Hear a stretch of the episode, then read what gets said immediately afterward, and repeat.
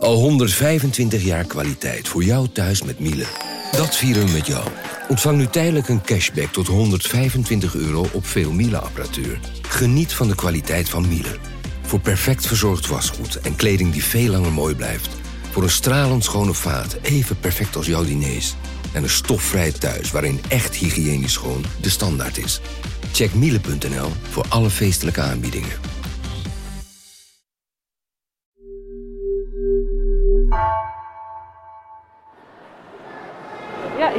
Een glazen kistje. Niet op een sokkel, niet op een verhoging, maar Le Grand Animal de Maastricht staat eronder. Nou, hallo Mimosasaurus.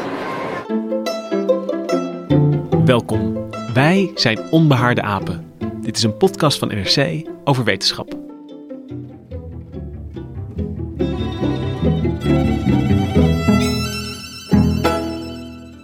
Een uit de kluiten gewassen krokodil, dachten ze. Op een oktoberdag in 1778 vinden arbeiders in een kalksteengroef in Maastricht een grote kaak met daarin tanden zo scherp als priemen.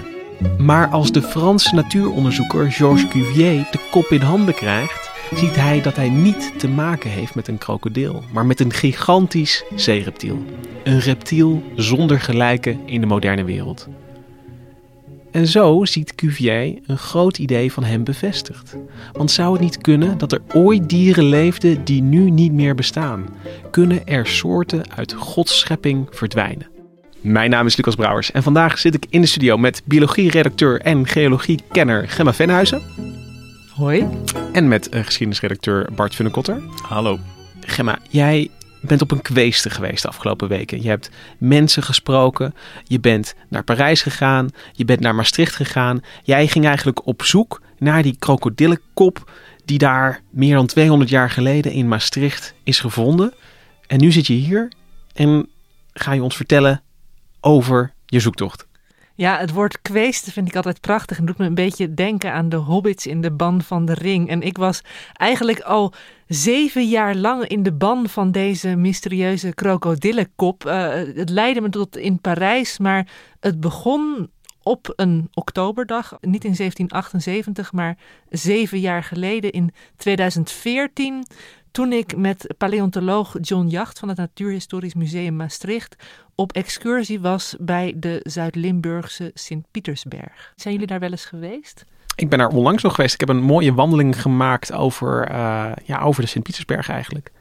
Ja, en ik ben er erop en erin geweest al wat langer geleden. Ja, want daar zeg je het al. De Sint-Pietersberg die is door de eeuwen heen steeds verder afgegraven uh, ten behoeve van kalksteenwinning. En uh, daar zijn nog 20.000 gangen van over in die berg. Het is dus echt één groot ondergronds labyrint, moet je het nu voorstellen. Samen hebben ze een lengte van 200 kilometer. Maar wat ook interessant is, um, dat er vondsten werden gedaan. Dus niet alleen kalksteen, maar bepaalde botten, bepaalde fossielen. En tijdens die excursie die ik samen met John deed, vertelde hij over die bijzondere vondst, over die grote kaak, die grote schedel eigenlijk, die in 78 door een van de arbeiders werd gevonden. En uh, daar begon mijn fascinatie, want ik vind het een fantastisch avonturiersverhaal dat uh, uh, tot over de landsgrenzen heen reikt en nog steeds actueel is in zekere zin. Ik, ik wil even terug naar die fonds in die mergelgroeven. Hoe moest ik me dat voor me zien? Hoe werd die kop gevonden? Nou, er werd dus een grote kop, hè, um, zeg, ruim, ruim, ruim een meter uh, werd daar uit die wand gehakt, of anderhalve meter zelfs. En de fonds die werd naar de eigenaar van de groeven gebracht. Uh, dat was Theodorus Johannes Godding. En dat was een man die had wel interesse voor ja, allerhand, allerhande fossielen, allerhande rariteiten. En uh, deze schedel kreeg een ereplaats in zijn curiositeitenkabinet met als bijschrift kop van een krokodil. Ik moet er wel bij zeggen, het was niet de eerste. Er was ook in 1766 al een soortgelijke kop in, um, uh, in de Pieters, Sint-Pietersberg opgegraven. En uh, die is in 1784 toen aangekocht door Martinus van Marem, directeur van het Teylers Museum in Haarlem. Nu wordt er dus voor de tweede keer wordt er zo'n zo'n mooie kop gevonden. Komt in een, in een rariteitenkabinet terecht. En wat gebeurt er dan met die schedel? Nou, uh, Jacht die vertelde dus, hè, Godding die, die, die, die zette die, die krokodillenkop op een mooie plek. Dat was in 1778. Uh, stond daar in huis te pronken tot eind 1794. En dat was in Maastricht? Uh, dat was in Maastricht, vlak, vlak bij de groeven dus eigenlijk. En uh, toen vielen de Fransen Maastricht binnen en annexeerden ze de zuidelijke Nederlanden.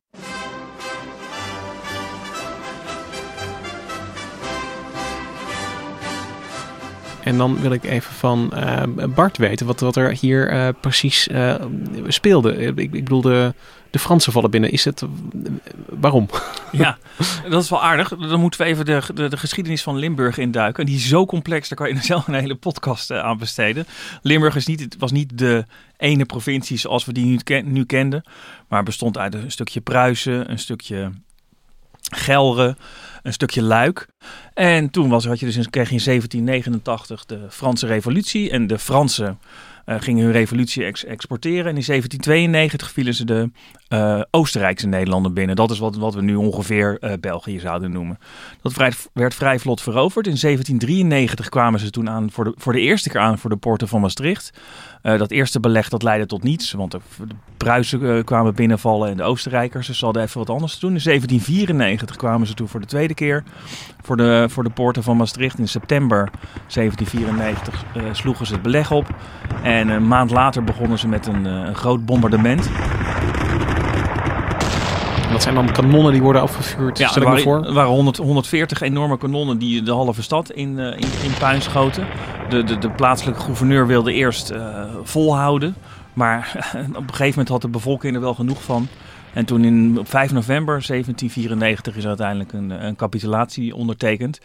En uh, kwam er een, uh, een, uh, een, Franse gouverneur. dus Maastricht werd door de Fransen bestuurd. En een jaar later, in 1795, werd het echt bij Frankrijk gevoegd. En werd het onderdeel van een Frans departement. En wat weten we over wat die Franse bezetting betekende voor de, de lokale bevolking in Maastricht? Wat veranderde er in hun leven? Nou ja, wat natuurlijk concreet veranderde is dat het, uh, de feudaliteit werd afgeschaft. Uh, en, en, en formeel uh, kreeg het volk het dan voor het zeggen. Dat was natuurlijk dan wel.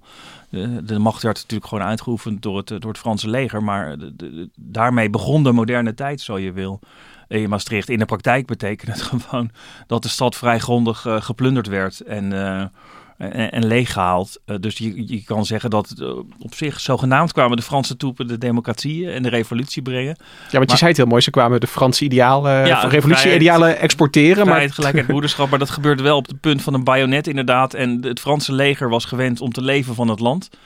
Uh, en dat deden ze daar dus ook. En dat, dat vatten ze ook vrij breed op. Want er, dat, niet alleen werden, er werden niet alleen dingen geroofd die je kon eten en drinken. Maar uh, er werd gewoon veel meer geplunderd ook. Dat was ook een Franse gewoonte die je elders in Europa gewoon zag. En ik kan me voorstellen dat zo'n plundering voor iemand als, als Godding uh, natuurlijk... het is helemaal een, een, interessant huis om, om leeg te roven. Ja, ja daar, daar sla je de spijker op zijn kop. Want wat ik wel interessant vond was dat er met het Franse leger ook een um, zogeheten wetenschapscommissaris... een commissaire de science, als ik het goed uitspreek. Mijn Frans is niet zo goed. Um, die reisde met mee en dat was een vooraanstaande Parijzenaar met de naam Barthélemy Faugin de Saint-Fond. Heb jij van hem gehoord, Bart? Uh, nee. nee. Nou, de, de taak, zijn taak was om elk interessant wetenschappelijk voorwerp dat de legertroepen tegenkwamen, uh, mee naar huis te nemen in ongeschonden staat. En is het normaal dat er ja, wetenschapsofficieren meegaan of, of wetenschappers uh, eigenlijk mee op plundertocht, Bart? Ja, ja, zeker. Want uh, niet alleen de idealen van de revolutie werden verspreid, maar ook de idealen van de verlichting uh, met, met de Franse revolutie. En bijvoorbeeld heel bekend is Napoleons uh, veldtocht in Egypte, een paar jaar later, 1798, 1799. En daar gaan er 150 wetenschappers mee aan boord. En die ontdekken dan bijvoorbeeld de, steen van Rosetta, waaraan we de ontcijfering van de hieroglyphen hebben te danken. Dus het was niet ongewoon dat er gewoon ordinair geplunderd werd. Maar tegelijkertijd werd er ook geplunderd om de wetenschap vooruit te brengen, zal ik maar zeggen. Ja, dus de Franse academie die, die uh, was eigenlijk onderdeel van die, ja, van dat, of deed in ieder geval mee met dat militaire apparaat. Nou, die profiteerde ervan, laat ik het zo zeggen. Ja, ja. En, en, dat gebeurde dus ook in Maastricht, Gemma. Ja, want uh, de Saint-Fond, die was uh, de eerste hoogleraar geologie van het Natuurhistorisch Museum in de Parijse Jardin des Plantes. dat museum bestaat nog steeds. En hij had dus ook best wel wat verstand van fossielen, zou je kunnen zeggen. Maar die rare krokodillenkop bij Godding, die kon hij niet thuisbrengen. Dus dat maakt het fossiel daarmee ook weer extra interessant natuurlijk voor hem. En heel voorzichtig, uh, volgens zijn eigen verhaal, door twaalf sterke mannen werd de schedel uh, toen geconfiskeerd en naar Parijs getransporteerd. Naar de Galerie d'Anatomie Comparée et de Paléontologie. Um, nou ja, dat is dus onderdeel van het Natuurhistorisch Museum in Parijs. En uh, daar uh, hoopte hij dat de schedel een goed plekje zou vinden. Maar uh, wat, wat, wat heeft Godding daar dan nog over te zeggen? Ik, ik kan me voorstellen, eh, niks op het moment dat de, de, de, de Fransen met, met wapens uh, aan je deur kloppen. Maar is, is daar nog iets van bekend? Nou, dat is ook waarom ik, toen ik John Jacht hierover hoorde spreken, het zo'n fantastisch verhaal vond. Want het zit vol met intrige en ook met hè, gelijk en ongelijk, leugens en, en bedrog, zou je kunnen zeggen. Want de vraag is nou, ging dat rechtmatig of niet? Want de Fransen zelf, die uh, wilden volgens mij helemaal niet als plunderaars worden gezien, toch Bart? Die, die, die, die vonden toch, nou wat je zei, ze kwamen, de verlichting brengen, brengen en wilden ook graag toch wel, denk ik, een goede indruk maken. Want Faujas de Saint-Fond, die heeft een, een, een, um, zelf een verslag geschreven van hoe dat er aan toe ging. En in, volgens zijn verhaal is het als volgt. Hij schrijft het fossiel eigenlijk helemaal niet aan Godding toe, maar aan een, een vermaarde Nederlandse fossielenkenner met de naam Johannes Hofman. En volgens Faujas de Saint-Fond zou Godding zich die schedel eh, ten onrechte hebben toegeëigend. En dus eigenlijk bewezen de Fransen de Nederlanders een dienst door de krokodil uit handen van die fraudeur te halen. Dat, dat was een deel van het verhaal.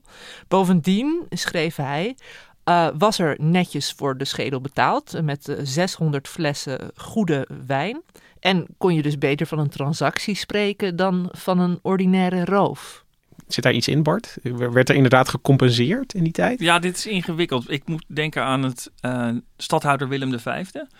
Uh, die had ook een, uh, die had een hele mooie kunstverzameling en ook een natuurhistorisch uh, kabinet. Dat is in 1795, toen de rest van Nederland aan de Franse zegenkar werd gebonden, is dat allemaal afgevoerd, ook naar Parijs, naar het Louvre, maar ook naar het museum bij de Jardin des Plantes. En aan Willem V is, helemaal niets betaald. Dus um, uh, ja, dit is moeilijk. Uh, of hoe je dit, hoe je dit inschat. Laat ik zo zeggen, de, de Fransen hebben zat spullen geroofd zonder ooit maar een kwitantie uh, achter te laten. Dus het zou zomaar kunnen dat dit verhaal ook gewoon niet waar is. De Fransen zien dat anders en de schedel gaat naar Parijs, academisch centrum van, van de wereld bijna, zou je dan kunnen zeggen. Wat, wat, we gaan jouw kop achterna. Wat, wat, wat gebeurt er dan? Ja, eh, nou, die, die kop die kwam dus, um, wanneer zei je, op, vijf, na 5 november 1794, was dat de datum, Bart? 5 november 1794 uh, tekende de gouverneur van Maastricht de capitulatie. Ja, nou, toen uh, was de kop in beslag genomen en in 1795 kwam de kop aan in Parijs, in het Natuurhistorisch Museum net op het moment dat er ook iemand anders bij het Natuurhistorisch Museum in de Jardin des Plantes arriveerde. Uh, dat was een jonge wetenschapper die daar net een aanstelling had gekregen als hoogleraar anatomie met de naam Georges Cuvier. Georges Cuvier komt daar dus. Wie, wie, wie was dat? Nou, eh, voluit had hij de prachtige naam Georges Léopold Chrétien Frédéric Dagobert Cuvier. En um, hij was een vermaard natuuronderzoeker. Hij is geboren in 1769 en dat is hetzelfde jaar als mijn grote held Alexander von Humboldt. En hij werd geboren in het graafschap Montbéliard. Dat is uh, in het hedendaagse Frankrijk, ligt dat helemaal aan de oostkant, in de Elzas, tegen de Zwitserse grens aan. En nou, ik ben niet helemaal thuis in de, de precieze Duitse staatvorming, maar het, het hoorde toen nog bij een, een, een Duits staatje. Dus hij was eigenlijk meer Duits dan Frans, zou je kunnen zeggen. Hij is ook in Stuttgart gaan studeren. En toen, in 1795, was hij 26 jaar oud, is hij benoemd als assistent hoogleraar anatomie in Parijs. Um, uiteindelijk uh, stierf hij op relatief jonge leeftijd, 1832, aan cholera. Maar tijdens zijn leven was Cuvier bekend omdat hij een ontzettend um, goede uh, anatoom en paleontoloog was. Dus hij kon feilloos eigenlijk aanwijzen en herkennen waarop verschillende uh, uh, dieren en verschillende fossielen van elkaar verschilden, waarin ze overeenkwamen. En tijdens zijn werk ontwikkelde Cuvier ook een theorie. En dat was voor die tijd best wel een vooruitstrevende theorie. Namelijk dat er in het verleden soorten op aarde hadden geleefd die er nu niet meer waren. Want goed, mensen wisten wel van fossielen, maar dat waren dan gewoon versteende exemplaren van soorten die we nog altijd hadden in, in, naar hun idee. En Cuvier was dus eigenlijk degene die zei van, oh maar wacht eens, sommige van die fossielen zijn misschien van dieren afkomstig die gewoon nu helemaal niet meer zijn. Maar het is bijna onwerkelijk om je dat voor te stellen. Ik bedoel, nu nemen we het idee van uitsterven uh, voor lief en maken ons zorgen over dieren die nu uitsterven. Uh, weten we, nou ja, hele kinderboeken staan vol met uh, dieren waarvan we allemaal weten dat ze niet meer bestaan. En, maar dat dat ooit een, ja, een inzicht, een idee was dat ja, dan nog bedacht moest worden. Ja, dat was maar toen ook de, de, de directeur van de Jardin des Plantes, Georges-Louis Leclerc, de, de, graaf van Buffon. Um, ja, dat was dus ook wel een hoge pief. Maar die was er bijvoorbeeld nog helemaal van, uh, van um, overtuigd dat dat soorten niet uitstierven. Dus... En, en wat waren dan sommige van de vondsten en, en botten waar hij die ideeën op baseerde? Hij was veel meer geïnteresseerd eigenlijk in uh, zoogdieren dan in reptielen. Dus hij was ook bezig met allemaal uh, olifanten, mammoetachtigen. Uh, Um, en dat is ook wel interessant in het licht van deze krokodillenkop. Want in 1795 kwam die kop dus al naar het museum. Maar um, het was toen niet zo alsof Cuvier er meteen bovenop dook van... wow, wat hebben we hier voor fantastisch intrigerende krokodillenkop. Ik ga ermee aan de slag. Hij dat ding lag er. En eigenlijk keurde hij het geen blik waardig, want hij was meer geïnteresseerd in die zoogdieren. En, en dus hij werkt aan, aan zijn zoogdieren, publiceert zijn werk en, en maakte op een gegeven moment wel iemand die krant open, die uit Maastricht is gekomen. Ja, hij eh, ontving in uh, eh, 1799 een brief van een Nederlander, Adriaan Kamper. Die had het sterke vermoeden dat het een reuzenvaraan betrof. Dus wel degelijk een uh, reptiel. En die schreef aan uh, Cuvier ook zoiets van: Nou, misschien wil je toch nog eens naar die kop kijken die bij jullie ligt en zeggen wat jij ervan vindt. Um, Cuvier deed dat. En voor hem uh, en misschien ook voor de rest van de wetenschapsgeschiedenis zou ik wel willen zeggen, was dat een gelukkig moment. Want daarin zag hij zijn uh, hypothese hè, van dat er uh, soorten hadden geleefd die nu niet meer leefden, eigenlijk eindelijk bevestigd. Hij dacht van nou, dit is geen enkele nog levende reuzenvaraan, nog een krokodil, nog een potvis. Dit is een dier. Uh, hij noemde het Le Grand Animal de Maastricht, het grote dier van Maastricht, dat nu met zekerheid gewoon niet meer op aarde rondloopt. Dus het was het, het, het, het, sluitstuk van zijn theorie, zou je kunnen zeggen. Ik ben wel even benieuwd, hoe wist hij dat? Uh, kende hij alle dieren die op de aarde rondlopen uit zijn hoofd of zo? Was daar een, een boek van waar hij doorheen bladerde? hij was wel uh, zodanig beroemd en ik denk dat de collectie toen in Parijs ook wel zodanig waren dat er uh, tijdens expedities, hè, net zoals je met planten had je natuurlijk allemaal herbaria van, van bijzondere collectiestukken die werden aangeleverd. Um, dat die naar het museum waren toegestuurd en dat te midden van de, de fossiele collectie die hij had, en ik durf wel te zeggen dat dat misschien ook dankzij de, de rooflust van de Fransen, maar het was in ieder geval wel een omvangrijke, uh, goede, uitgebreide collectie, dat hij daarin geen uh, vergelijkend materiaal had. Dus... Maar het is wel een cruciaal punt wat, wat, wat je aanzet, Bart, want je, je kunt natuurlijk, you can't prove a negative, zoals er dan gezegd wordt. Dus zolang je inderdaad niet weet welke dieren er allemaal nu nog zijn. En de wereld is dan ja, uh, eind uh, 18e, begin 19e eeuw natuurlijk voor een groot deel uh, verkend en door westerlingen in kaart gebracht, maar nog niet volledig. eh, je, je moet een behoorlijk, eh, wat je zegt, Gemma, je moet een behoorlijke collectie opbouwen. Je moet eh, veel zien, veel beschrijven, voordat je natuurlijk op een gegeven moment het aannemelijk kan maken dat iets er niet meer is. Ja, dus eigenlijk zou je haast ook nog wel weer kunnen zeggen... het was een soort educated guess. Ehm, Ik denk wel m- meer dan dat natuurlijk, want, want Ja. je kunt natuurlijk eh, van, nou ja, dit was een grote kop. Eh, je mag aannemen dat grote dieren toch opvallen. Eh, dus, dus, dus op die manier probeer je er dan toch, toch een, een casus te bouwen. En in 1808, dus we spreken eigenlijk over, over nou ja, zo'n zo'n 10 jaar, 15 jaar nadat dat, die schedel is meegenomen, ehm, beschrijft Cuvier dus de schedel. En als je iets beschrijft in de biologie of paleontologie, mag je het ook een naam geven, meestal. Dat is dus het interessante aan Cuvier. Hij was geen naamgever. Hij beschreef, eh, hij, hij vergeleek dus en, en hij merkte op wat voor verschillen er waren. Maar hij heeft dat gekke dier nooit iets anders genoemd dan Le Grand Animal de Maastricht. Hij heeft niet de naam eraan gegeven die wij er tegenwoordig aan geven. En dat kwam pas in 1822. Dus hij heeft het nog wel meegemaakt. eh, wat ik zei, hij is in 1832 overleden. Ehm, maar hij was het niet zelf. Interessant. En eh, wie geeft dan wel die naam en hoe luidt die naam? Het was eh, uiteindelijk in 1822 de Britse geoloog en ook geestelijke William Conybeare. En die kwam met de naam Mosasaurus eh, aan als geslachtsnaam. En dat was naar het Latijnse woord voor Maas. Hè? Nou ja, goed, Maastricht, dat kun je nog, voor, eh, voor- nog voorstellen. En het Griekse woord voor hagedis, eh, sauros. Nou ja, goed, dat heb je nu natuurlijk, een dinosaurier. Dino betekent verschrikkelijk. Dus dan krijg je verschrikkelijke hagedis in, in de samenstelling dinosaurus. Ja, En, en dit was dan, als je het eh, vertaalt, de Maashagedis. en wat is er dan bekend op dat moment dat, dat Cuvier het beschrijft? Wat, wat, en en nou ja, die tijd dat het, het beest zijn naam krijgt. Wat weten ze dan over hoe het dier eruit zag en, en waar het leefde, in wat voor omgeving? Ehm, ze wisten wel eh, dat het een, een, een, een zeereptiel is. Eerst werd nog gedacht dat hij pootjes had, maar dat is eh, uiteindelijk kwam er steeds meer bewijs voor eh, door onderzoek van dit fossiel, maar ook door andere mosasauriërs. Want later bleek je dus niet alleen de Mosasaurus hoffmanni te hebben, maar ook nog andere soorten. Dat hij dat flippers had, dat hij zwemvliezen had.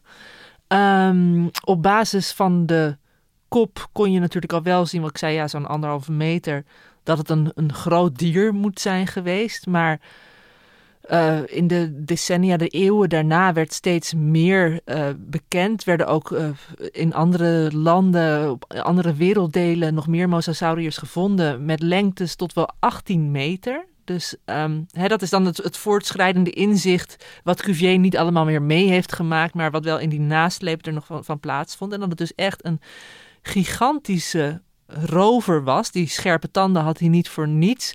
Ehm, je had verschillende, ja, de, de kleinere soorten die hielden het bij, bij vissen, maar deze die had ook andere eh, grotere dieren. Had soms ook, het was, was een cannibalistische soort, dus die, ehm, die beet soms flink van zich af, ook naar concurrenten, maar die had ook wel kleine mosasaurusjes op als snack. Maar het was echt een, een schrik van de zee als je dat zo vertelt. 18 meter lang, eh, een, een bek vol tanden. Ja, ik weet dat je, dat je, dat, dat je in het water levende eh sauriërs geen dino's mag noemen. Maar omdat je net zei, verschrikkelijke... Het, wa- het was in, in zekere zin wel een verschrikkelijke saurus, kun je zeggen. N- Nog even hoor, maar over, in wat voor wereld zwom die Mosasaurus rond?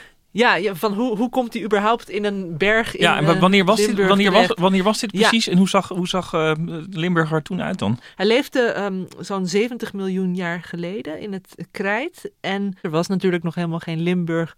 En ehm, het hele gebied lag nog meer richting de Evenaar. En op de plek van waar nu dan die, die Sint-Pietersberg eh, is, die kalk die is eigenlijk afkomstig uit een tropische zee. Dus het was, een, was warm water. ehm, wat ik zeg, meer richting de Evenaar. En daarin leefden ook allemaal eh, minuscule diertjes met kalkskeletten. Die kalkskeletjes die zijn uiteindelijk naar de bodem gedwarreld en die hebben voor het ontstaan van het kalksteen gezorgd. En daarin belandde dus ook eens in de zoveel tijd een dode mosasaurus. En eh, juist omdat het allemaal redelijk snel ging en, en, en zonder zuurstof erbij, zijn die fossielen goed bewaard gebleven. Ja, maar dus eh, voor de duidelijkheid, het was niet zo dat de plek die wij nu als uh, Limburg kennen onder water lag. Maar Limburg lag zelf ook ergens anders, namelijk Ja. onder water rond Evenaar. Ja, precies. En eh, nou ja, die ouderdom van 70 miljoen jaar, dat moet, moest allemaal ook later uitgepuzzeld worden. Maar ik wil even terug naar, naar Cuvier en ehm, eh, toch zijn, zijn beschrijving. Eh, weet je, dat, dat is het moment dat de Mosasaurus dan nog zonder naam zijn, zijn entree maakt op het, op het wetenschappelijke toneel. Wat, wat, wat gebeurt er dan met die vondst? Heeft dat, heeft dat impact? Nou, wat interessant dus was aan Cuvier, hij was aan de ene kant echt gerespecteerd en hij wordt nog altijd gerespecteerd om het feit dat hij een goed anatoom was. Maar hij had ook ehm, vijanden, opponenten in ieder geval. En een, eh, bekende daarvan was Jean-Baptiste Lamarck. Eh, die hield zich ook bezig met de, de geschiedenis van, van soorten. Maar die was een heel andere mening toegedaan. Hij zei namelijk van nou, ehm, soorten die hebben zich heel geleidelijk aan ontwikkeld. Hij eh, noemde altijd het voorbeeld van giraffen die dan steeds langere nekken zouden krijgen omdat ze bij steeds hogere blaadjes in de bomen moesten. En eh, tussen die twee bestond wel echt een soort wetenschappelijke fitty van, nou, eh, Cuvier zei, ja, onzin, dat al die graduele tussenvormen, dat, daar zie je niks van terug. Dus dat, Ja, dus ze zien allebei wel een verandering in die fossielen. Maar Cuvier zegt is een komen en gaan van, van soorten. Die, die eh, kunnen eh, van het toneel verdwijnen eigenlijk. Eh, en misschien op, opkomen of ergens anders vandaan komen. Terwijl Lamarck ziet dat als een soort ontwikkeling in de soort. Dat, dat die zich verandert. Ja, en dat is eh, eigenlijk vertegenwoordigen ze ook twee stromingen die in die tijd heersend waren in de geologie en de paleontologie. Ehm, je had enerzijds het uniformitarisme, dat is waar Lamarck dan eh, bij hoorde. En ook bijvoorbeeld de beroemde geoloog Charles Lyell. Ehm, en die hadden het dus heel erg over die geleidelijkheid. En die zeiden ook van nou, je kunt hedendaagse processen ook nog weer gebruiken om eh, te weten hoe het er in het verleden aan toe ging.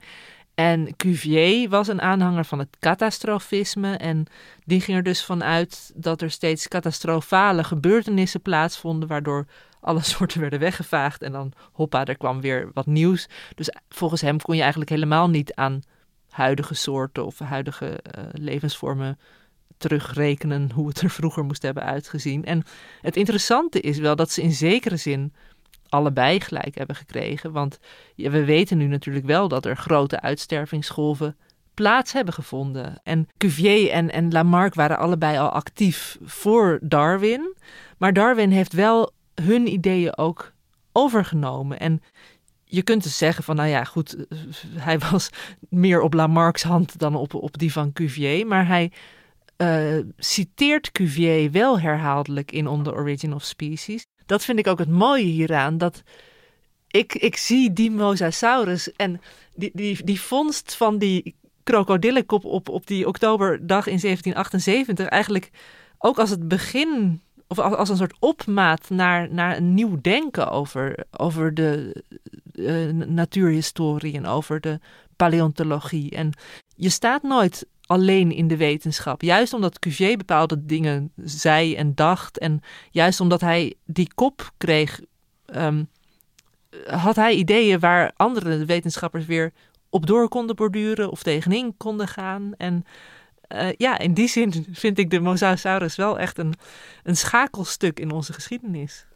Dus de, de Mosasaurus krijgt eigenlijk, die, die, die past in dat, ja, toch dat veranderende wereldbeeld van een, een oude aarde, nieuwe soorten, verandering in soorten.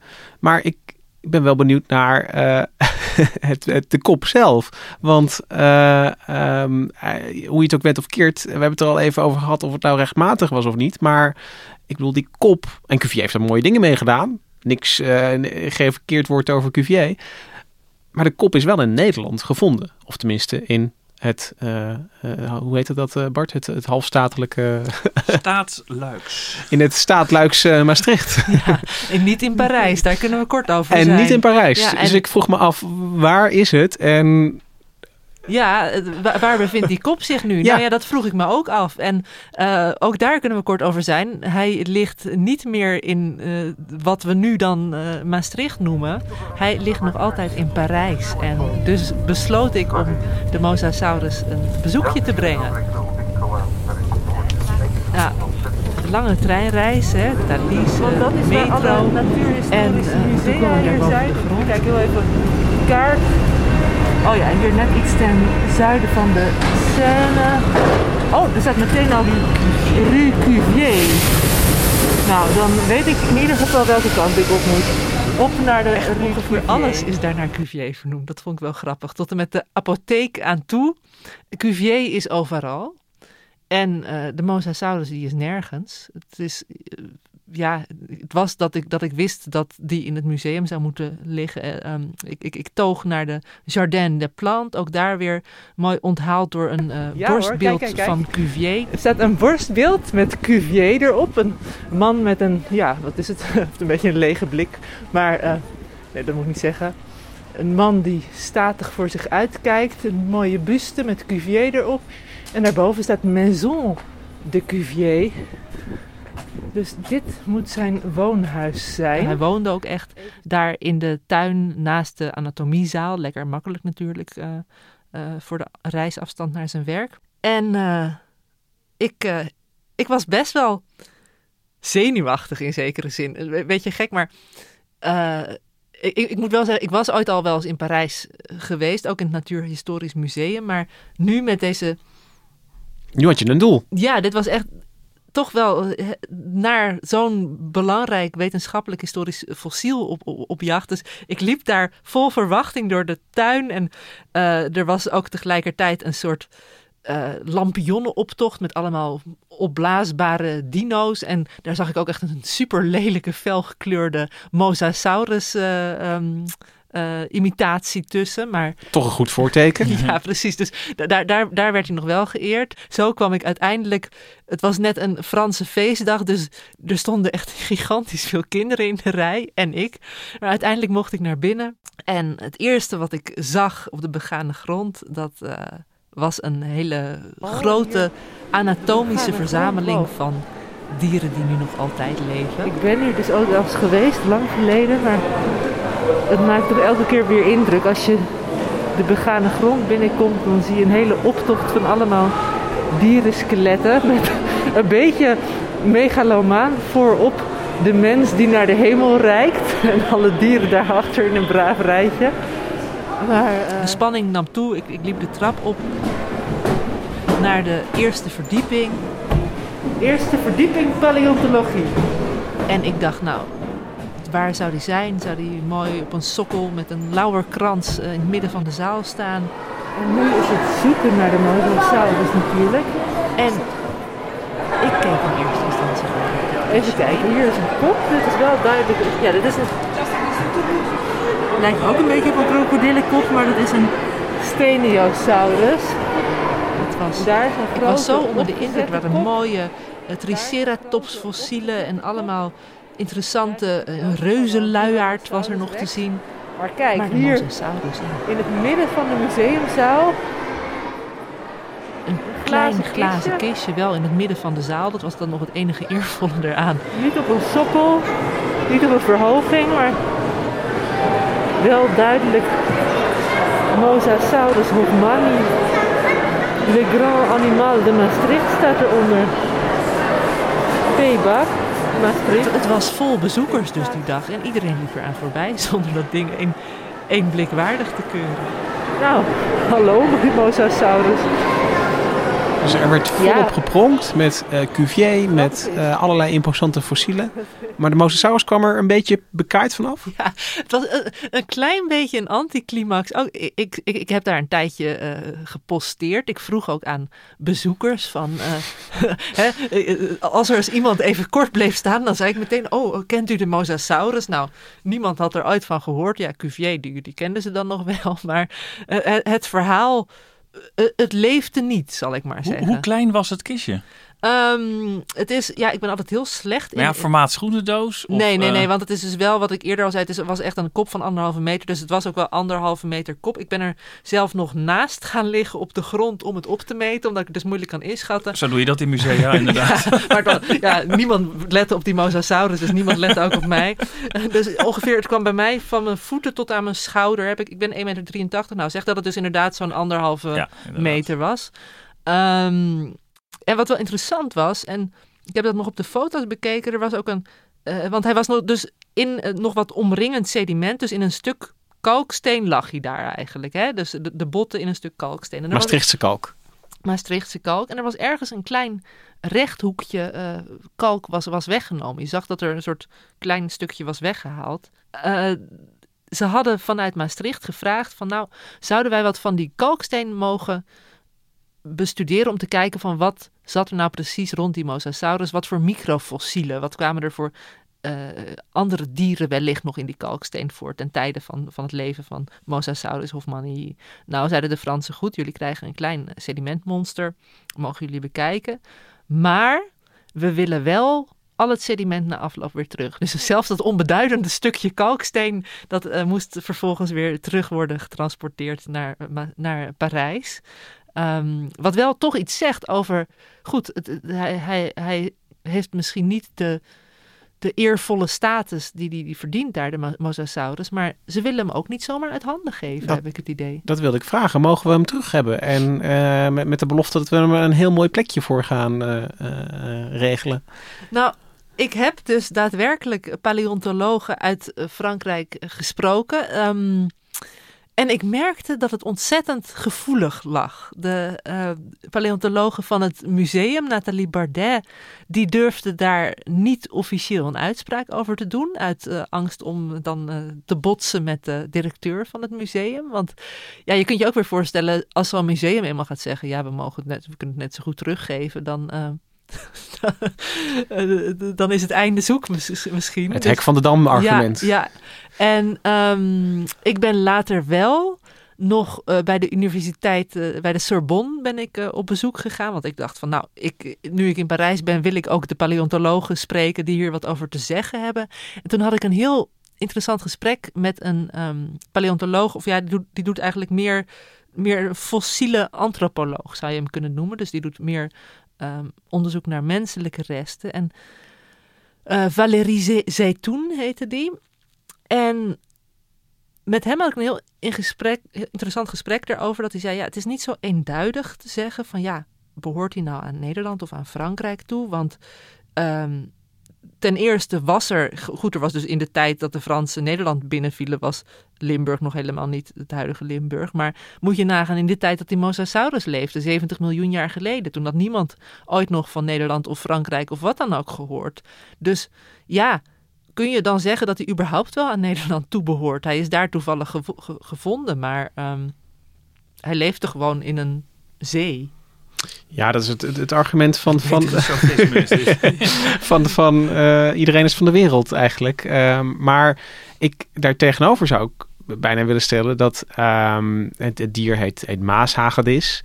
Ehm, eh, het eh, het geolo- geologische tijdvak in het krijt staat ook bekend als het eh Maastrichtien tegenwoordig. Ehm, in Maastricht is er een natuurhistorisch museum eh, waar eh mosasaurussen een prominente rol spelen. Ja, dat, Eh, dus dus ik, ik vind vanuit een, een, een- een- Ja, misschien als je het, het, staatsrechtelijk uit gaat zoeken en er nog geen sprake van Nederland was, dan, dan kun je natuurlijk zo'n argument bouwen. Maar er is wel een, een lokale en inmiddels dus een, een, een, ook een cultuurhistorische traditie van, van de Mosasaurus als een, een belangrijk Maastrichtse icoon. En in, in die optiek vind ik er, nou ja, dan zou ik zeggen, hij hoort ook misschien eh, hè, door de geschiedenis met Cuvier eh, hoort hij ook een beetje in Parijs, maar hij hoort ook een beetje in Maastricht. Nou, wat ik wel ook ehm, leuk vind, is dat je kunt zeggen: oké, hij is bij ons gevonden. Maar het is wel Cuvier die hem interessant heeft gemaakt. In ja, of die Adriaan Kamper, die dan dus Cuvier de gouden tip gaf. Maar uiteindelijk was, het niet, eh, was Cuvier er niet geweest, dan was het nog heel lang misschien een soort naamloze, onbeduidende krokodillenkop geweest. Dus hij heeft eigenlijk zijn historische waarde pas echt in Parijs gekregen. Het zijn wetenschapshistorische waarden misschien, maar en dan ben ik wel benieuwd, Bart, want deze discussie speelt natuurlijk ehm, eigenlijk in de hele museale wereld natuurlijk Ja, over. Eh, en, en dan niet, niet alleen over fossielen, maar over allerlei etnografische eh, collecties. Ja, nou, kunst en, eh, en, en, en, en archeologische collecties inderdaad, ja. Want want de, de wind die daar waait is toch richting het, het teruggeven naar plekken waar zaken gevonden zijn. Kijk, Frankrijk bijvoorbeeld geeft de, de, bronzen van Benin, gaan ze teruggeven aan, aan Benin, inderdaad. Ehm, maar bijvoorbeeld een andere discussie op zo'n punt die heel erg in het oog springt, is de discussie over de Elgin Marbles. Die nu in het eh, British Museum in Londen staan. En die zijn ooit van de Acropolis eh, afgevoerd. En de Britten beweren dus dat dat eh, netjes is afgekaart met de toenmalige bazen in Athene, de Turken. En die zeggen dus, die, die voeren, hebben dus het argument, voeren het argument aan van er is, er is officieel toestemming gekregen, hebben we gekregen van de toenmalige, ehm, toenmalige eigenaren in feite. En ik denk ook dat het hele argument rondom de Mosasaurus, eh, discussie erover staat of valt met het antwoord op de vraag, is er eerlijk voor betaald? Zijn, er- is er inderdaad een transactie geweest, al was het dan met 600 eh, flessen wijn? Want de Europese musea staan natuurlijk vol met dingen die ooit voor een appel en een ei zijn gekocht eh, elders op de wereld. Echt lang niet alles is geroofd. Sterker nog, het merendeel is, daar is gewoon wel voor betaald. Alleen eh, zeggen ver onder de huidige marktwaarde. En de vraag is hoe, hoe eerlijk was dus al, allemaal? Hadden de, had de oorspronkelijke eigenaar de kans om ook te zeggen van nou nee, ik verkoop hem niet. Eh, de- ook niet voor 600 of 6000 eh, flessen wijn. Dat is natuurlijk een belangrijk onderdeel van, van het argument. Eh, dus ik zou zeggen, als het verhaal van de 600 flessen wijn klopt, ja, de, helaas pindakaas, dan, dan hoort hij in Parijs. Ja. En wat wel interessant is, is dat, ehm, wat ik van John Jacht begreep, heeft Nederland op een zeker moment, nou weet ik even niet precies in welk jaar dat was, nog wel ook de gelegenheid gehad om bepaalde roofschatten, noem ik het maar even, terug te kopen van Frankrijk. En hebben ze dat dus toen met de Mosasaurus niet gedaan. Dus dan kun je ook zeggen, helaas pindakaas, we, we hebben dat moment aan ons voorbij laten gaan. Maar ik vind de Fransen eigenlijk ook wel beter in het vereren van, van wetenschapshelden, als ik dat even zo mag zeggen. Eh, eh, hè, dus, dus als jij. Dus als jij in een Rue de Cuvier eh, aanbelandt en, en al een, een bronzen beeld van Cuvier ziet, dan, dan, ja, dan, dan, eh, dan, dan leeft zo'n wetenschapshistorische traditie vaak ook meer dan eh, dat dat in Nederland gebeurt. Dus dat, dat vind ik dan ook wel weer jammer. Dat, dat, er niet, dat we er niet wat trotser op zijn bijna. Nou, en da- maar daar wil ik wel even ook een lans breken voor het Natuurhistorisch Museum Maastricht. Want die doen echt wel hun best, ook voor hun mosasauriërs. En ze hebben trouwens ook wel een replica van het... ehm, eh, van de Parijse kop, dus van de Mosasaurus hofmanni. John Jacht zei wel, je kunt hem niet zonder problemen stiekem omruilen, want daarvoor zijn de verschillen tussen de echte en de neppe wel te groot. Ehm, en ze hebben ook als een soort goedmakertje wel eh, dat was in 2009 volgens mij. Eh, hebben ze hem een eh, tijdje te logeren gehad, het echte fossiel. Want toen hadden ze een tentoonstelling en toen, bij wijze van uitzondering, mocht hij even terugkomen naar Maastricht. maar wel teruggegeven dus. eh. Daarna is hij wel weer ja, terug. dat is wel heel braaf. Ze hadden ook kunnen zeggen van, ja, ja sorry, dit- jullie krijgen hem niet meer. Ja, maar ja, om nou weer een nieuwe oorlog te ontketenen. Hè, Nou ja, dat, eh, een, een juridisch steekspel, daar, dat had natuurlijk gekund. Ik bedoel, dat, eh, met het krimgoud zien we dat ook. Ik, drank, ik denk aan het krimgoud. Moet- eh, zien we dat ook gebeuren. ja, nee, En, en, en eh, daarin, eh, ehm, ik, ik bedoel, er zijn natuurlijk hybride constructies denkbaar. Dit, dit, is, dit, is, ja, dit is nog uitlenen, maar ehm, Maarten en Opium zijn, eh, eh, zijn gedeeld eh, Frans-Nederland, zeg maar. Dus ja, eh, ja, je kunt ook een soort... eh, We hadden vroeger in, in de kleuterklas ook zo'n eh, aapje dat eh, van kind naar kind bleef logeren. maar dat, dat was van iedereen, zeg maar. Ja. Misschien is het naïef, maar je, zou hem ook kunnen delen natuurlijk. maar zo'n aapje is wel wat licht, meer lichtgewicht dan zo'n zwaar fossiel. Hè? Of je er nou zes of twaalf sterke mannen voor nodig hebt om hem te versjouwen. Het is best, best een gewicht om steeds te torsen. Ja. Maar je zou natuurlijk ook nog kunnen zeggen: goed, hij is Nederlands, maar we laten hem in Parijs, om maar wat te zeggen. Ehm, wat ik wel eh, ook nog eh, even stof tot nadenken vind, is dat als je ervan uitgaat dat deze Mosasaurus nou tussen de 15 en 18 meter was en er ligt anderhalve meter kop daar in Parijs, hebben wij toch nog altijd de rest van het lichaam. en, en toegegeven. In de grond. Ja. In de grond, ja, dat zit in de mergelgroeven en daar durven ze ook niet meer aan te komen, want dat hele gangenstelsel, dat is dus wel zo poreus dat ze bang zijn dat het een en ander gaat instorten. Maar John Jacht was een beetje aan het filosoferen. Die zei, misschien kun je nog met ground penetrating radar, kun je wel in ieder geval de locatie van de rest van het lichaam uh, nog terugvinden. En uh, ja, dan denk je, dan trekken wij toch aan het langste eind. Wel een hele schrale troost. maar om een echt goede troost uh, uh, aan jullie te geven, kan ik zeggen, ik was natuurlijk naar Parijs en ik was daar om de mosasaurus te zien, om de paleontologen te spreken. Maar ik dacht ook, ik ga niet onverrichter zaken naar huis. Hoe dan ook wil ik een mosasaurus mee terugnemen. En dat heb ik natuurlijk ook voor jullie gedaan. Ik ga hem even tevoorschijn halen. Wacht even hoor. Gemma duikt nu onder de, de podcasttafel. Wat is dit? Nou, kijk eens. Oh, Hier is de Mosasaurus. Het is een miniatuurversie uit de, uit de souvenirwinkel. Made in China Uiteraard. staat er op de on- onderkant. En zijn jaartal is 2014 inderdaad, zie ik Ja, ook dus het is een vrij recente Mosasaurus. Zeg, wat, wat is hij? 20 centimeter lang. Ja. Maar het leuke is, je ziet, hij heeft eh, flippers. Hij heeft een eh, mooie ja, staart aan de achterkant. Scherpe tandjes. Hij is best wel zwaar eigenlijk. Ehm, Ja. ja. hij is massief, Massief plastic. ja. Ehm, deze Mosasaurus heeft ook wel een donkere rug en een lichte buik. Maar deze heeft lichte strepen nog op zijn rug. En ehm, dat is dan meer een artistieke interpretatie. Dat- Maar, maar anatomisch heeft, krijgt hij wel een, een voldoende eigenlijk. ja, ik had zelf, ik, want ik- het is een beetje een zullig dier. Het is een beetje, dat, kop, dat kopje is vrij klein vergeleken met de rest van het lijf. Maar, maar op basis van de foto's. Een beetje de, Ja, ja, de dikke paling met een krokodillenkop erop. dat is ook heel eh, anatomisch correct omschreven, denk ik. Ik ben heel benieuwd wat Cuvier eh, van, eh, hiervan zou vinden. En eh, eh, ja, het, is- het zou heel moeilijk uit te leggen zijn, sowieso deze aflevering, denk ik. Maar als er nu hier een plastic eh mosasaurus uit China hier op tafel ligt, dan weet ik niet of we dat aan de 19e eeuwse... Uitgelegd. Ik zal ook nog eens op zoek gaan naar een plastic cuvier. Die bestaat vast ook. Nou, dankjewel eh Gemma dat je voor ons eh, op zoek ging naar eh, de mosasaurus eh, in de geschiedenis en in Parijs.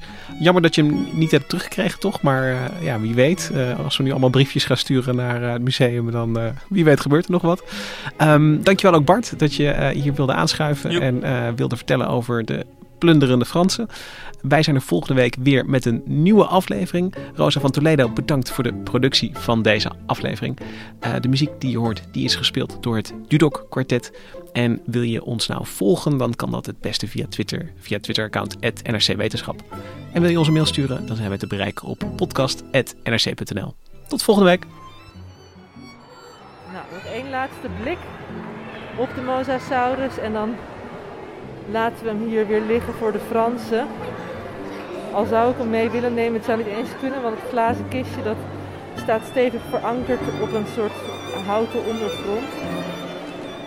En de suppost in de hoek, die net al zei dat hij niks van de Mosasaurus afwist, die houdt me sindsdien wel nauwlettend in de gaten. Dus eh, zelfs al zou ik hem kunnen tillen in mijn eentje, dan nog zou ik hem hier niet weg kunnen krijgen.